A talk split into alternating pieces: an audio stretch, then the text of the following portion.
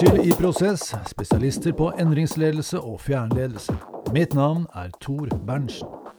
Verden er i endring, og vi er opptatt av å utvikle lærende organisasjoner som er i forkant av utviklingen i samfunnet. Fremtiden kommer ikke, og vi går ikke mot den. Fremtiden skapes av vanlige mennesker hver dag, og i denne podkasten vil vi dele våre refleksjoner om hva slags fremtid vi ønsker. Med meg på telefon i dag har jeg Bjørn Larsen, administrerende direktør i Multimaskin. Velkommen, Bjørn. Mange takk. Fortell om din rolle og arbeidssituasjon i dag. Eh, jeg leder jo eh, Multimaskin. Det er et selskap som eh, importerer rekke maskiner og utstyr som vi da selger i det norske markedet. Og vi er selvfølgelig preget av dagens koronasituasjon, selv om omsetningsbortfall sniker seg på sakte, ikke, ikke, over natten. Vi har solgt inn en ordrereserve som vi i stor grad lever av. Uh, men det er klart å opprettholde den og, og skape nytt volum inn i Q3, det er en utfordring. Q2 går, ser ut til å gå greit. Vi lever jo i en spesiell tid, og det er sikkert mange generasjoner som har sagt akkurat den setningen før meg. Men la meg komme med en liten oppsummering. Vi har digitalisering, vi har automatisering, kunstig intelligens, globalisering og nå en pandemi som stenger ned store deler av samfunnet. Og dette er den korte listen. Kan du si litt om uh, hvordan dette preger Multimaskin? Ja, Det preger jo oss som det preger hele samfunnet. Uh, for det første så har vi jo tatt uh, nødvendige forholdsregler for å kunne drive virksomheten på en måte hvor vi har lav risiko i forhold til smitte. Jeg skal ikke gå inn på alle de tiltakene, men det håndterer vi ganske godt. Eh, Bl.a. ved bruk av digitale plattformer og digital møtevirksomhet, så fungerer det godt, syns jeg. Ja. Så der får vi jo en eh, utilsiktet trening som vi har godt av. Eh, men altså, dette endrer jo samfunnet, og det kommer til å endre virksomheter med endringene i samfunnet. Det er jeg helt sikker på. Tror du at multimaskin kommer til å bli uh, altså, Gå tilbake til det det var? La oss si når denne pandemien går over og ja, Går vi tilbake til det som var uh, før pandemien, eller tror du det blir en versjon 2.0 av et slag? Jeg tror nok det blir en versjon 2.0. Jeg tror f.eks. at vårt salgsarbeid og vårt markedsføringsarbeid i større grad digitaliseres enn det vi har vært vant til tidligere. Det er jo slik at uh, Maskiner og utstyr det må jo overleveres fysisk. Det må jo demonstreres for kundene. Uh, så her vil det jo være kundetreff og relasjonsbygging som tidligere. Men en del av vår hverdagsvirksomhet vil nok uh, i større grad skje på digitale plattformer. Ja. Så ikke en, ikke en, sånn disruption som noen bransjer går gjennom, men en, en tydelig tilpassing. Det er jeg ganske sikker på. Kriser og krevende situasjoner eh, kan få oss til å stoppe opp og tenke store tanker som eh, hvorfor gjør vi dette, hva vil vi egentlig, hva slags framtid er det vi ønsker å skape? Og Som mennesker så gjør jo alle dette innimellom i løpet av et langt liv. Som leder så er dette en mer naturlig del av rollen, selv om perspektivet og tidshorisonten kan eh, variere. Vi trenger at ledere skaper framtidsbilder som gir håp og motivasjon i hverdagen. og på dine vegne altså, vil jeg gjerne utfordre deg på det store bildet. Hva slags framtid ønsker du for Norge og multimaskin om ti år? Går an å si noe om det? Du må gjerne ombestemme deg i morgen. Ta alle mulige forbehold.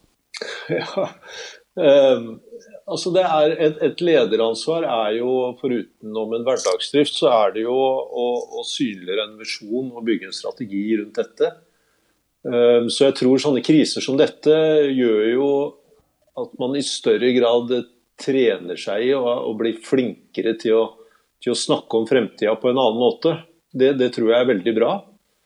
Eh, Bl.a. det vi var innom med digitalisering og eh, ikke minst kunstig intelligens som kommer for fullt. Eh, og det henger nøye sammen. Så her må man jo bygge visjoner som står i forhold til den innovasjonen som pågår i, på alle fronter. Og Det er jo ikke lett å se hvordan vi skal se ut om ti år. Det, men, men de kundegrensesnittene må være der.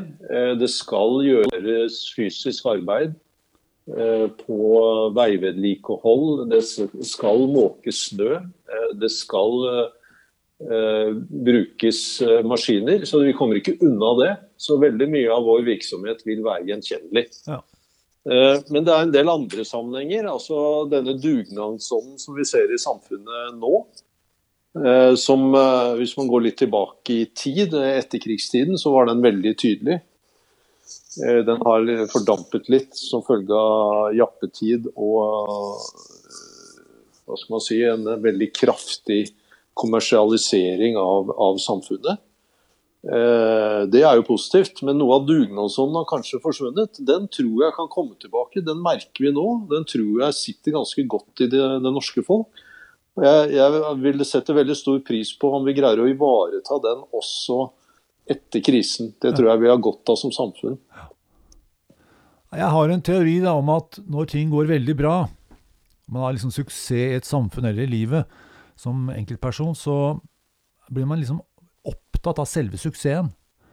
Eh, og det kan kanskje bli litt sånn eh, Det kan oppleves som litt sånn eh, individuelt eller egoistisk, kanskje, eller ja, litt lite opptatt av fellesskapet, da. Mens når man får kriser eller hindringer, så er vi mye flinkere til å orientere oss om fellesskapet og samhold med en gang. Ehm, jeg tror det er det vi føler på nå. altså Det er godt.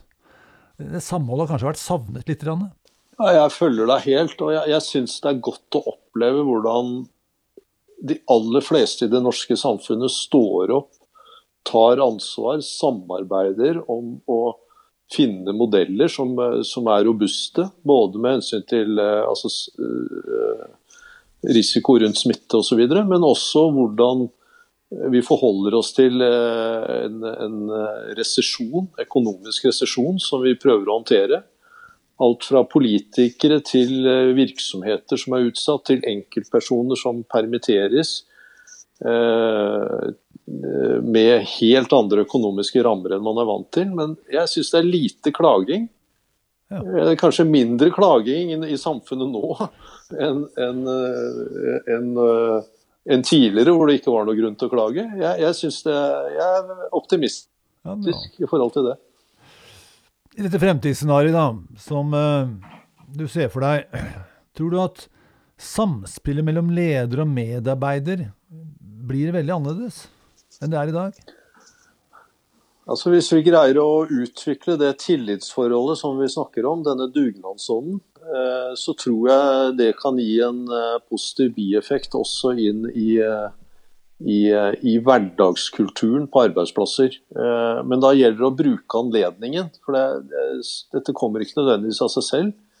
Men, men bygge videre på denne dugnadsånden og, og, skape en opplevelse at vi trekker lasset sammen.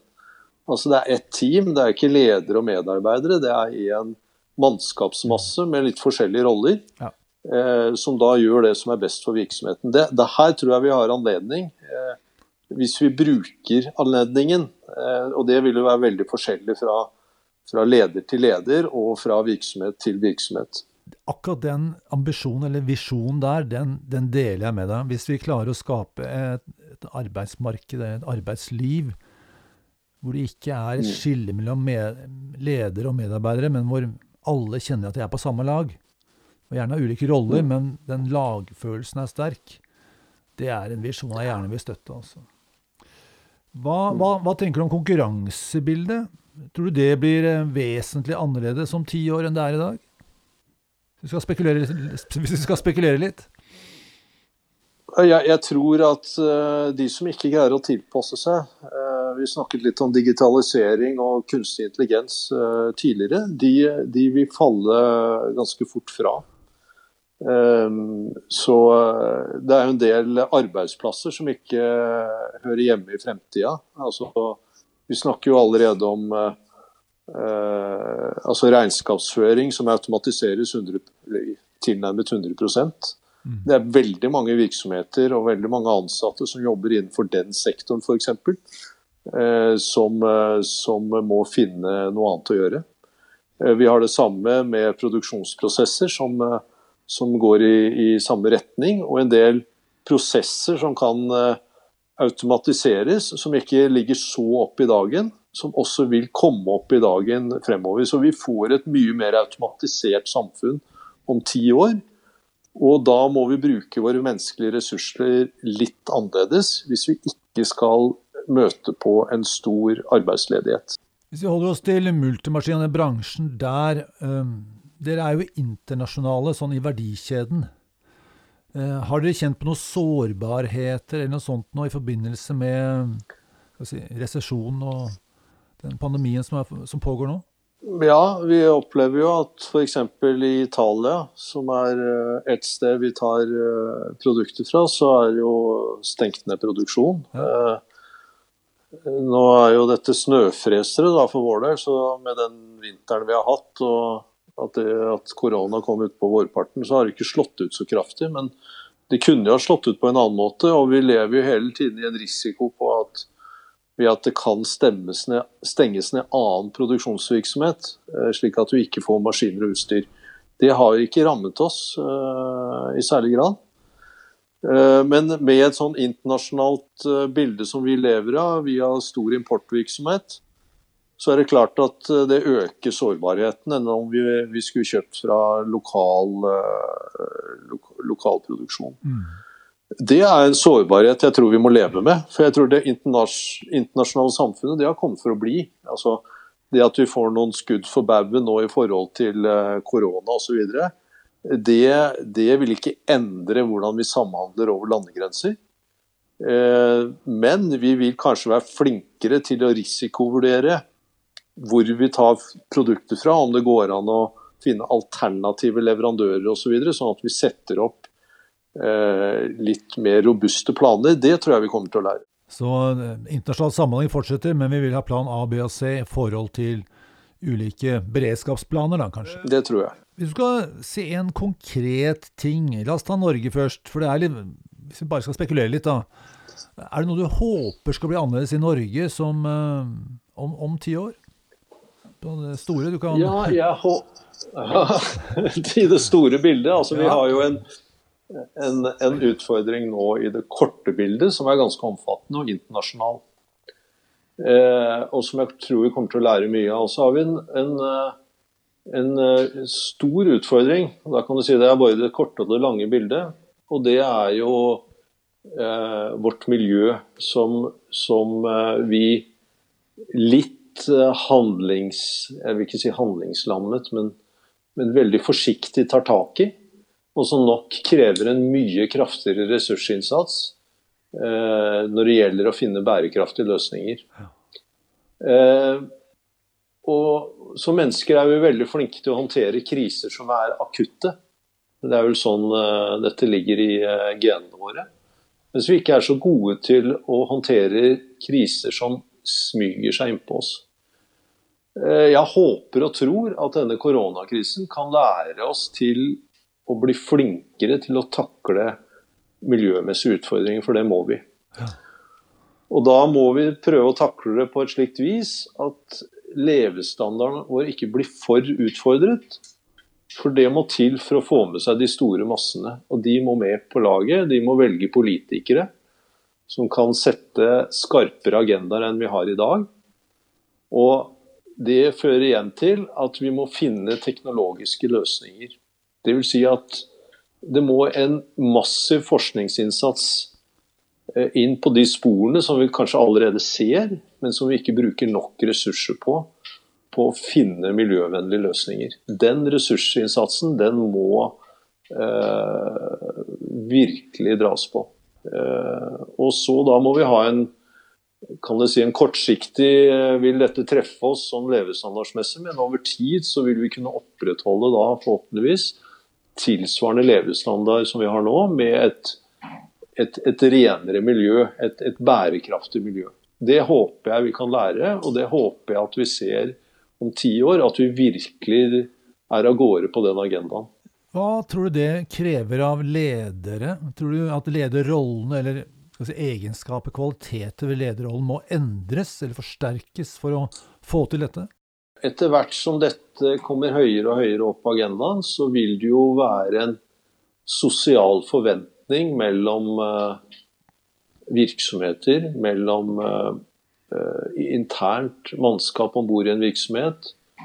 At ledere tar tak i dette. Altså man, man blir uglesett hvis man ikke har en, en grønn agenda å forfølge. At man ikke prøver å gjøre en rekke tiltak og prøver å gjøre virksomheten sin grønnere.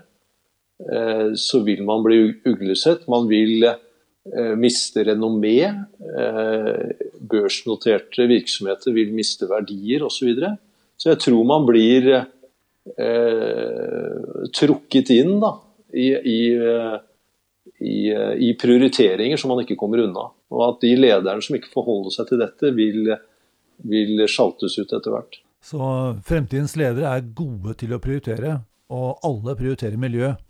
Ja, jeg, jeg, tror fremtidens ledere er De må både skape øh, økonomisk bærekraft, selvfølgelig. Men de må også skape miljømessig bærekraft, og de må evne å kombinere de to agendaene.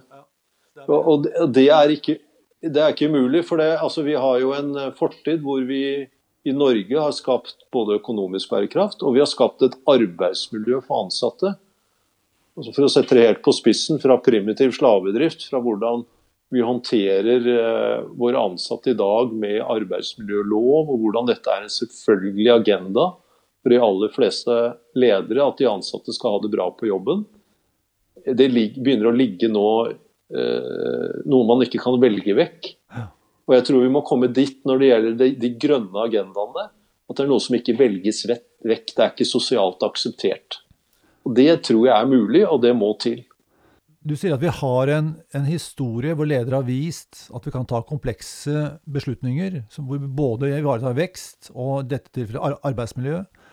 Og at vi i fremtiden må fortsette dette med å ta komplekse beslutninger hvor vi ivaretar miljøet, men også ivaretar verdiskapning og arbeidsmiljø, selvfølgelig.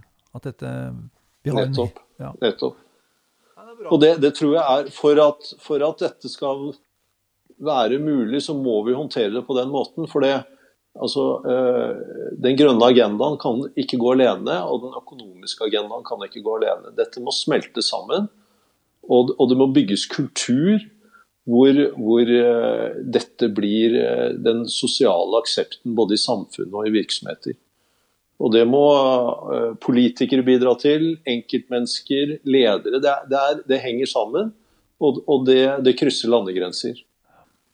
Jeg hører, Bjørn, at eh, fremtidens ledere er eh, dyktige på å håndtere komplekse situasjoner og der gjøre viktige prioriteringer. Både for bedriften på kort sikt og for samfunnet på lang sikt. Du har masse erfaring på dette området. Kan du si litt om hvordan dette preger lederskapet? Ja, jeg tror eh, altså det å ha erfaring fra komplekse organisasjoner, altså komplekse verdikjeder, gjør at man venner seg til Eh, kompleksitet i beslutningsprosesser. Eh, det tror jeg er veldig nyttig erfaring. Og så er det jo det å jobbe og ha jobbet med endringsprosesser, hvor, eh, hvor man hele tiden må bryte gjennom status quo og, og skape en ny hverdag. Fremtidens samfunn og fremtidens virksomheter vil kreve ledere som er enda flinkere til å gjennomføre endringsprosesser enn kanskje det som er praksis i dag. Vikingene mente at et godt ettermæle var det viktigste av alt. Man skulle utføre minneverdige bedrifter i løpet av karrieren. Hvilke minneverdige bedrifter eller ettermæle har du lyst til at det skal følge ditt lederskap, Bjørn? Det er jeg ikke så opptatt av. ja, altså Nei, altså ettermæle det er jo eh, noe som man eh, ikke får oppleve, egentlig, i særlig grad. Uh, ja, altså jeg, jeg, er mer opptatt av å gjøre en god jobb i hverdagen og, og, og forberede en virksomhet for fremtiden. Og, og måles på, på det, eh, heller enn å bygge mitt eget ettermæle. Jeg tror ikke man, man syns jo selv man er veldig interessant, da. Men det er ikke sikkert alle andre syns det er så interessant. Eh, med unntak av personligheter som Churchill, så tror jeg de fleste av oss eh, Jeg har i hvert fall den oppfatning at det er hverdagen som det, jeg skal gjøre en god jobb, og ikke, ikke, jeg skal ikke gjøre noe for å bygge mitt ettermæle. Det er jeg ikke så interessert i. Jeg må reformulere spørsmålet litt, da. Um, hva, gjør du, hva, gjør du, for å sikre at du fortsetter å ut, vokse og utvikle deg selv som leder? For å skape disse gode hverdagene? Jeg er nok glad i utfordringer. Og, og, jeg liker å jobbe med komplekse problemstillinger. Og jeg merker at når jeg får anledning til det, så lærer jeg. Eh, så det er, kall det on job training. Man må jo stimuleres, slik at man ser seg selv eh, utenifra og, og kan utfordres. Eh, og så akseptere at man, man ikke er ferdig utlært på noensinne. Og Da er det veldig godt å kunne ha en coach på sidelinja i lederutviklingsprogram eller personlig trening som kan, kan utfordre innenfor sikker sone, hvor man, eh, man, egentlig kan være veldig åpen og kan diskutere eh, problemstillinger. Og, og hele tiden eh, lære å bli be, et bedre menneske, hvis det går an. Men i hvert fall å bli en enda dyktigere leder. Det går an. Da sier jeg tusen takk for samtalen, Bjørn. Mange takk, Tor. I Prosess har spesialisert seg på fjernledelse og lederkommunikasjon. Vi tilbyr online lederprogram og korte online minikurs som bevisstgjør ledere i de viktigste prinsippene for fjernledelse og kommunikasjon i videomøte. Målet er superledelse å hjelpe medarbeiderne til å lede seg selv. Du finner mer informasjon på iprosess.no slash lederprogram.